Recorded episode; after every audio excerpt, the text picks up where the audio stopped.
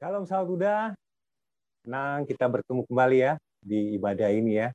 Uh, terima kasih juga buat uh, tim Five ya yang telah memimpin kita ya dalam penyembahan ya. Sahabat muda kita tahu ya bulan ini ya nah, kita temanya adalah panggilan ya dan judul ya tema apa judul apa khotbah hari ini malam ini yaitu call by grace ya uh, boleh? Ah ya. Oke. Okay. ya. Ya call by grace ya. Hmm. ya uh, akan ada ayat pendukungnya ya. Uh, slide selanjutnya. Ya di Galatia 1 Galatia 1 ayat 15 ya. Tetapi waktu ia yang memilih aku sejak kandungan ibuku dan memanggil aku oleh kasih karunia-Nya ya. Garis bawahi oleh kasih karunia-Nya ya kita dipanggil ya oleh kasih karunia-Nya Tuhan ya. Oke slide selanjutnya. Nah ini juga ayat pendukungnya salah satu uh, ayat yang lain. Ya 2 Timotius 1 ayat 9 ya yang berbunyi dialah yang menyelamatkan kita dan memanggil kita ya. Sekali lagi memanggil kita dengan panggilan kudus ya. Bukan berdasarkan perbuatan kita ya. Melainkan berdasarkan maksud dan kasih karunia-Nya sendiri ya garis bawahi kasih karunia-Nya sendiri. Ya sendiri ya tidak ada intervensi ya. Yang telah dikaruniakan kepada kita dalam Kristus Yesus sebelum permulaan zaman. Ya sekali lagi ya kasih karunia ya oleh Bapak nggak ada intervensi ya. Nggak ada ya dibilang apa? Tidak apa? Tidak bukan berdasarkan perbuatan kita ya. Saya baca lagi di atas ulang, dia yang menyelamatkan kita dan memanggil kita dengan panggilan kudus ya, ya. Dengan panggilan kudus. Ya kalau aku baca di BMIK dibilang Allah menyelamatkan kita dan memanggil kita supaya kita menjadi umatnya ya. Kita dipanggil ya kita selamatkan untuk menjadi umatnya ya. ya hidup seturut kehendaknya, melakukan kehendaknya ya, dipisahkan untuk Tuhan ya. Oke, slide selanjutnya. Ya, di sini juga dibilang ya, di Yohanes 15 ayat 16. Bukan kamu yang memilih aku. Ya, sekali lagi ya, nggak ada intervensi dari manusia ya, tetapi akulah yang memilih kamu dan aku telah menetapkan kamu ya supaya kamu pergi menghasilkan buah dan buahmu itu tetap ya supaya apa yang kamu minta kepada Bapa dalam namaku diberikannya kepadamu ya. Jadi kita di guru pergi ya dipanggil ya, guru pergi ya untuk apa? Menghasilkan buah ya dan buahnya tetap. Oke, ya. Next. Slide selanjutnya. Ya, oke. Okay, ya, ini panggilan Tuhan ya. Kita bahas dulu dari panggilannya Tuhan ya. Nah, kita dari Yosua ya. Yosua 1 ayat 9. Bukanlah telah kuperingatkan kepadamu, kuatkan dan teguhkanlah hatimu. Jangan kecut dan tawar hati sebab Tuhan Allahmu menyertai engkau ke mana pun engkau pergi. Nah kalau kita sebelum kita baca ayatnya ada ketakutan dia bilang jangan takut jangan takut jangan takut ya pada pada saat Tuhan memanggil Yosua ya artinya Tuhan tidak bergerak atas ketakutan Yosua ya.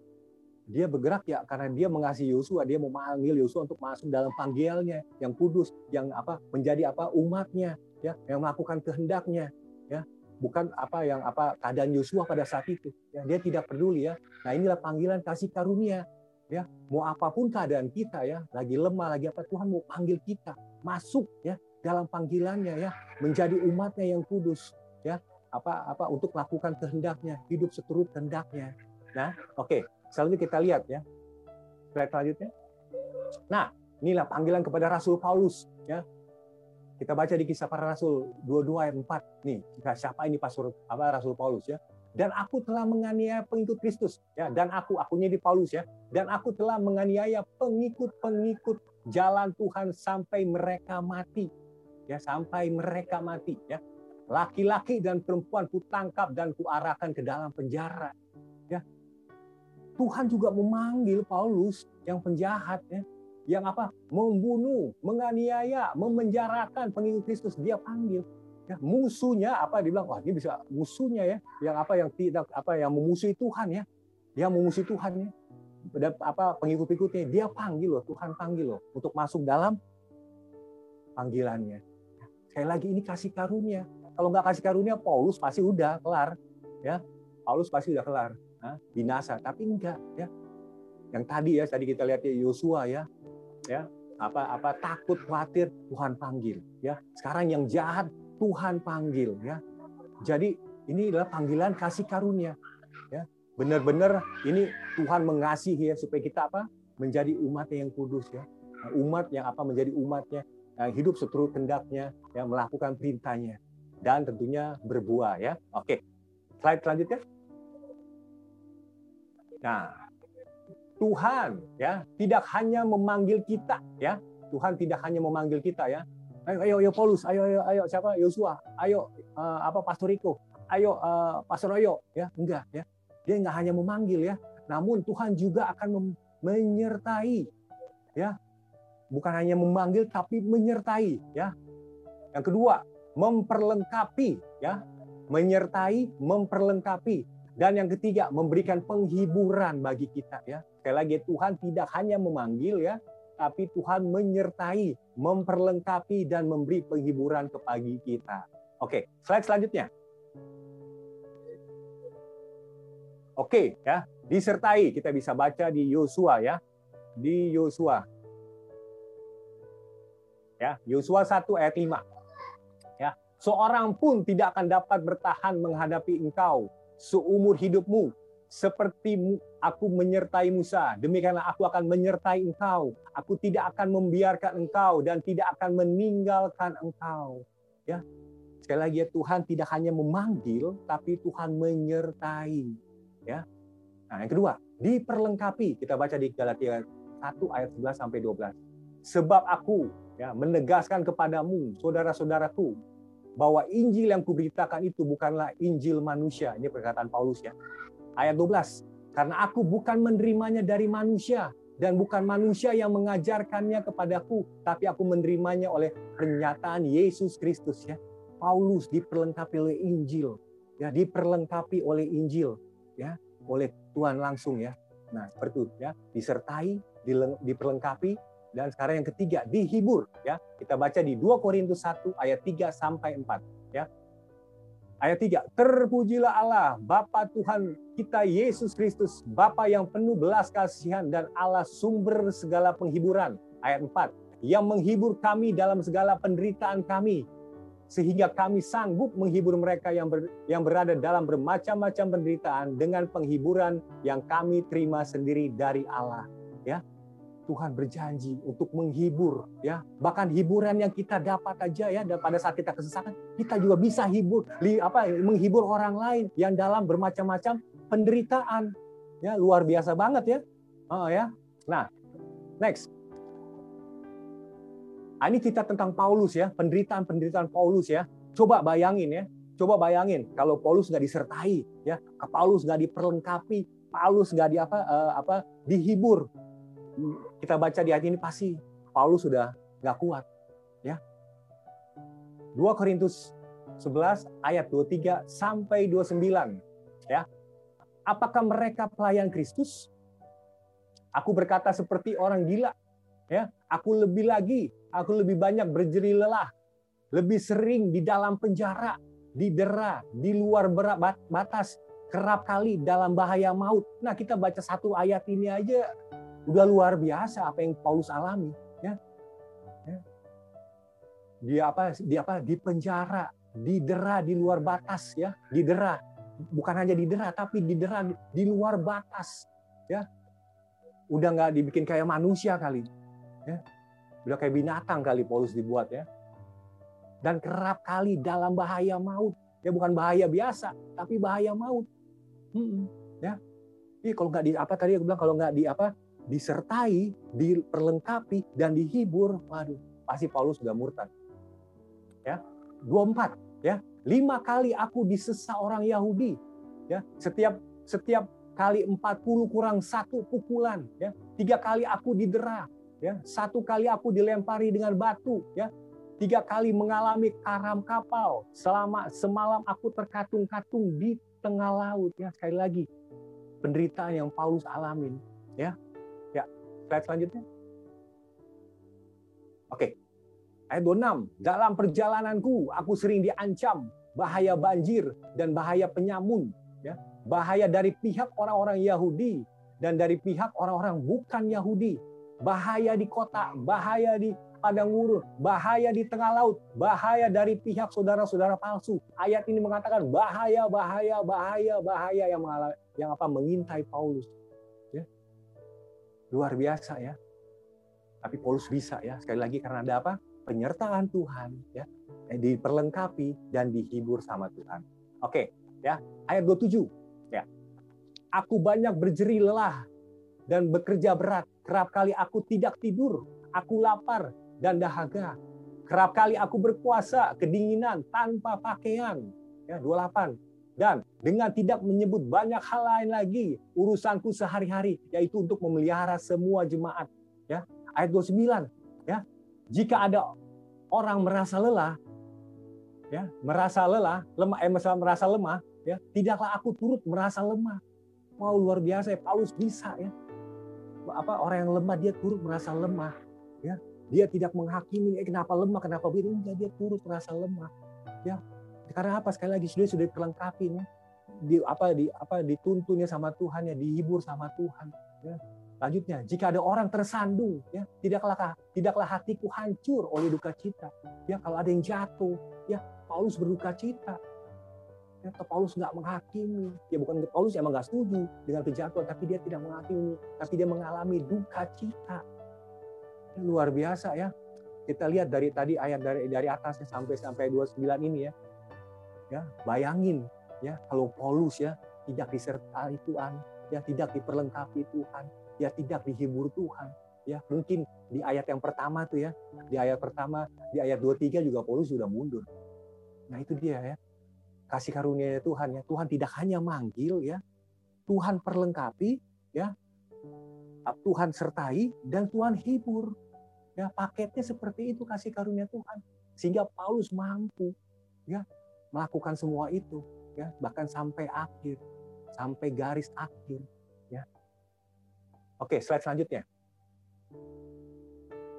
Oke.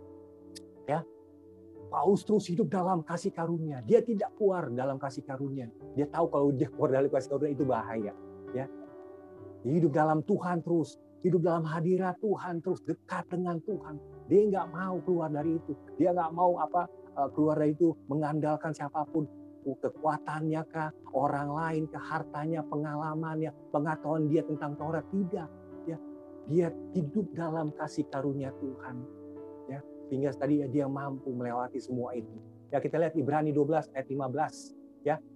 Jagalah supaya jangan ada seorang pun menjauhkan diri dari kasih karunia Allah ya.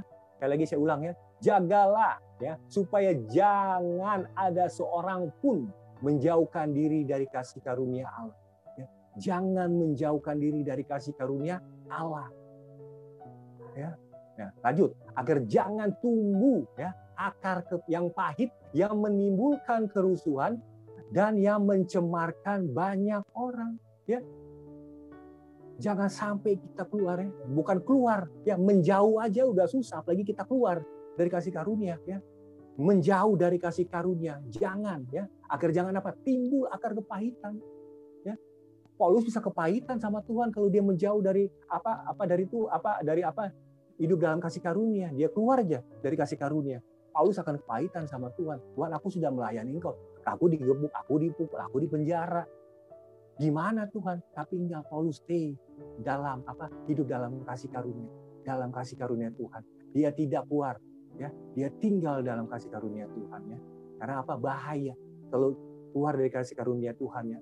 Kita menjauh dari kasih karunia itu bahaya, ya. Ayat bilang agar jangan timbul akar kepahitan yang menimbulkan kerusuhan dan mencemarkan banyak orang. Ya. Nah, kita lihat nih ya, ayat selanjutnya 1 Petrus 2 ayat 19. Inilah orang-orang yang hidup dalam kasih karunia ya. Ya, yang hidup dalam kasih karunia ya. 1 Petrus 2 ayat 19, 1 Korintus 15 ayat 10 dan 2 Korintus 10 ayat 16 sampai 17. Ya, kita mulai dari pertama ya. 1 Petrus 2 ya, ayat 19 ayat Petrus 2 ayat 19 ya. Ya kita tahu ya, menderita karena Kristus itulah kasih karunia orang yang tinggal di dalam kasih karunia ya dia nggak apa ya dia nggak takut dengan penderitaan bahkan penderitaan oleh Kristus ya itu adalah kasih karunia satu kehormatan buat mereka ya mereka nggak apa nggak menghindari itu mereka nggak takut ya. Mereka mau ya. Hidup apa nggak takut hidup seperti itu ya dalam penderitaan karena Kristus. Yang kita baca ayatnya 1 Petrus 2 ayat 19 sebab adalah kasih karunia ya ingat ya. Sebab adalah kasih karunia. Jika seorang karena sadar akan kehendak Allah menanggung penderitaan yang tidak harus dia tanggung ya. Bahkan penderitaan yang harus dia tidak tanggung ya. Ya, itu adalah kasih karunia. Siapa yang buat, siapa yang nanggung. Ya, itu kasih karunia ya. Nah seperti itu orang yang dalam kasih karunia akan bisa bertahan seperti bisa kuat seperti itu. Sekali lagi kalau enggak kepahitan siapa yang buat kok gue yang nanggung ya. Pasti akan timbul kepahitan ya. Akhirnya menimbulkan kerusuhan mencemarkan banyak orang. Tapi enggak orang yang dalam kasih karunia seperti itu ya. Menderita karena Kristus yaitu kasih karunia.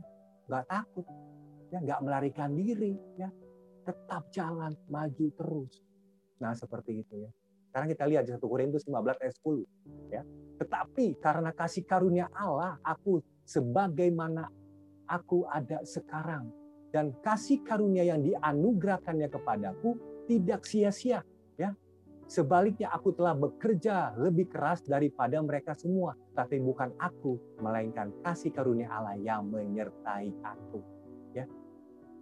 Dibilang apa di sini? Dan kasih karunia yang dianugerahkannya Tuhan ya, ya padaku tidak sia-sia. Eh, kasih karunia tidak akan pernah sia-sia. Oleh karena itu terus tinggal dalam kasih karunia, ya. Nah, akhir itu apa? Di dalam kasih karunia Paulus ya bekerja keras, bekerja keras ya daripada orang lain. Dari dan di situ ada kerendahan lagi. Udah bekerja keras tapi nggak menyombongkan diri. Ini gua lo yang paling kerja keras tuh. Enggak. Kalau kita baca ayat selanjutnya, tetapi bukan aku, melainkan kasih karunia Allah yang menyertai aku. Wow, dia tinggal dalam kasih karunia Tuhan. Ya, stay dalam kasih karunia Tuhan. Ya, selanjutnya 2 Korintus 10 ya. 2 Korintus 10 ayat 16 sampai 17. Ya. Ya. Kami hidup supaya kami dapat memberitakan Injil di daerah-daerah yang lebih jauh daripada daerah kamu dan tidak bermegah asal hasil-hasil yang dicapai orang lain di daerah kerja yang dipatokkan untuk mereka ya. Tetapi barang siapa bermegah hendaklah ia bermegah di dalam Tuhan. Ya, orang yang hidup dalam kasih karunia akan bermegah di dalam Tuhan. Ya nggak menyombongkan diri. Pencapaian-pencapaian mereka dapat mereka tidak pernah menyombongkan diri karena mereka tahu ini semua karena Tuhan. Ini kasih karunia Tuhan yang menyertai mereka. Ya sekali lagi ya tinggal dalam kasih karunia Tuhan Jangan lari. Jangan lari ya. Terus tinggal dalam kasih karunia Tuhan. Akhirnya kita bisa bersyukur dalam penderitaan. Kita tidak sombong, kita tidak memegah. Ya, dan pasti semua itu akan memuliakan nama Tuhan. Ya, oke. Slide selanjutnya. Oke. Nih, apakah penderitaan ya, keberhasilan, pencapaian yang kita alami dalam panggilan kita dan sudahkah kita bekerja keras seperti tadi ayat-ayat tadi ya sudah gak kita lakukan ya? Hah? Ya. Dalam pelayanan ya. Dalam pelayanan nih kita merasa seperti sudah menjauh apa nih apa ah, menjauh dari kasih karunia atau tidak. Ya, dalam pelayanan kalau kita merasa kok pahit terus, kok pahit terus. Nah, ini indikator yang kita indikator apa namanya? tolak ukur nih. Kenapa ya? Saat, mungkin tanpa sadar sudah menjauh dari kasih karunia. Akhirnya timbul kepahitan, timbul kepahitan ya, timbul kerusuhan ya, dan mencemarkan banyak orang seperti tadi kata Ibrani tadi ayat Ibrani 12. Nah, kita bisa jadi apa nih? Apa eh, apa selidiki hati kita ya. Selidiki hati kita ya, menjadi tolak ukur nih. Oh, kok aku pelayanan pelayanan pelayanan tapi kok begini ya? Kok aku nggak bisa menderita ya? Ah, nggak bisa bersuka cita ya? Nah, kok kalau aku melakukan pelayanan ya keren orang banyak yang memuji kok aku bangga ya aku bangga pada diri aku sendiri ya hmm Nah itu mesti itu di, apa dipikirkan ya. Selidiki hati kita ya. Minta Tuhan selidiki hati kita. Waduh, kita udah keluar dari kasih karunia apa enggak? Dan ya udah kembali lagi. Oh ternyata aku sudah kasih dari Tuhan ya. Ya aku sering kepahitan ya. Ah, aku nggak bisa menderita. Kalau menderita ini aku mau cari yang nyaman-nyaman aja ya. Kalau lagi bagus saja. Kalau lagi bagus saja ya. Kalau lagi bagus ya aku bermegah ah ya ternyata aku sudah menjauh dari kasih karunia. Balik lagi balik lagi. Tidak ada kata telat ya. Juga dalam studi, ya, ya. Nyontek, ya nggak nyontek sih, tapi sombong dengan nilai bagus, ya. Nggak nyontek sih, tapi sombong dalam nilai bagus, ya. Ini kita hidup dalam kasih karunia apa enggak? Ya. Nah itu kita juga renungkan lagi, renungkan lagi, ya. Nggak nyontek sih, ya nggak sombong sih, tapi nggak mau bantu orang yang nggak bisa, ya, ya nggak nyontek ya, nilai bagus nggak sombong, tapi nggak mau bantu orang pasif. Hidup gak kita dalam kasih karunia? Ya, hidup gak? Kita biarin aja itu orang bodoh lah urusannya dia lah. Ya kan gue bisa ya, udah nggak apa-apa. Dengan begitu kita lihat apakah kita hidup dalam kasih karunia. Tentu kalau kita hidup dalam kasih karunia, ya kita harus memperlihatkan Yesus. Bukan hanya dengan tidak nyontek, bukan hanya dengan tidak dapat dapat nilai bagus, tapi juga menolong orang yang dalam studinya nggak bisa. Nah itu kurang lebih dalam studi ya, dalam pekerjaan juga ya, ya kita kerja jujur ya, jangan yang aneh-aneh korupsi dan sebagainya ya, ya coba ya periksa hati kita, ya. minta Tuhan selidiki hati kita, ya. Juga dalam usaha sama juga, juga dalam hubungan ya, apakah kita ya yang dipanggil menjadi serupa dengan Kristus, apakah kita dalam hubungan menjalankan dengan baik, apakah kita menghormati orang tua kita, ya? Apakah kita mengasihi mereka? Dalam pacaran apakah hubungan kita sehat ya? Hubungan kita benar atau tidak? Dalam kekudusan atau tidak? Toksik atau tidak? Ya. selidiki hati ya. kalau ternyata ya aku toksik ya. Aku tidak kudus apa aku intimidasi dan sebagainya. Coba ya. Ya. Oh ya aku jauh dari kasih karunia Tuhan. Masuk lagi dalam kasih karunia Tuhan. Ya sekali lagi nggak ada kata telat. Ya jadi seperti itu ya. Jadi indikator ya. Gimana nih kita perasaan kita kita pikiran kita ya yang kita alami. Itu bisa jadi indikator oh ya ya. Oh saya enaknya walaupun menderita ya. Walaupun orang yang berbuat salah saya disalahin saya masih bisa tenang saya bisa bersyukur ya. Oh iya ya saya bisa mengucap syukur ya dalam penderitaan karena Kristus. Oke ya satu itu ya. Oke ya aku bagus ya. Yang kedua ya aku kerja capek begini begitu ya segala macam lebih daripada yang lain ya. Tapi aku nggak sombong ya. Wow ya bagus checklist lagi ya. Yang dua yang yang ketiga ya aku berhasil pencapaian pencapaian pencapaian ya. Tapi aku nggak sombong wow bagus ya. Yes terima kasih Tuhan ya.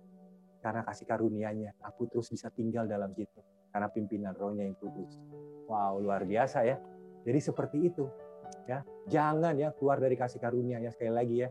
Aku baca Ibrani 12 ayat 15 ya.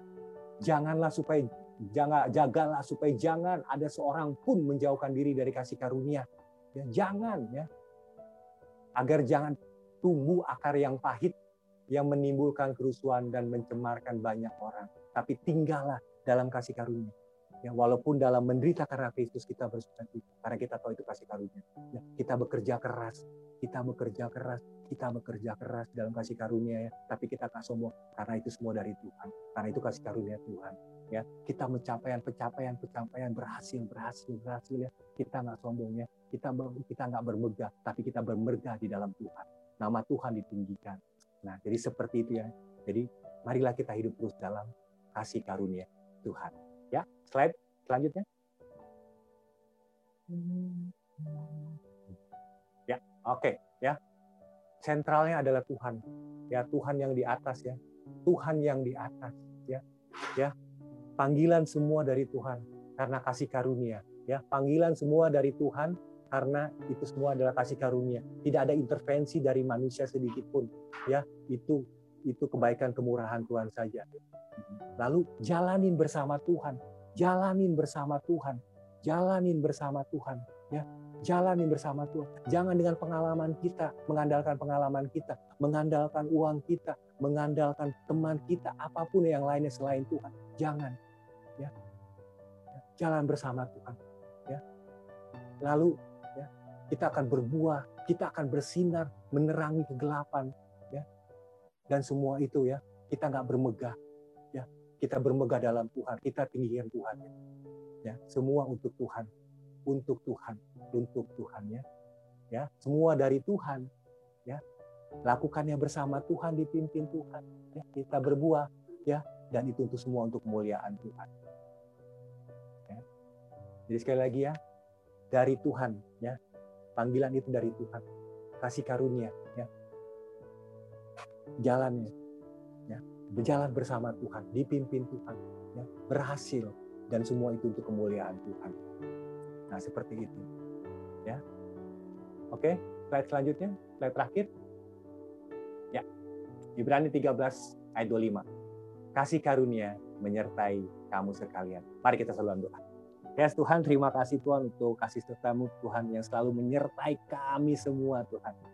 Ya kami bisa tinggal dalam kasih karuniamu Tuhan. Terima kasih untuk panggilanmu Tuhan. Kasih karuniamu Tuhan. Itu semua karena Engkau Tuhan, bukan karena hebat dan gagah kami Tuhan.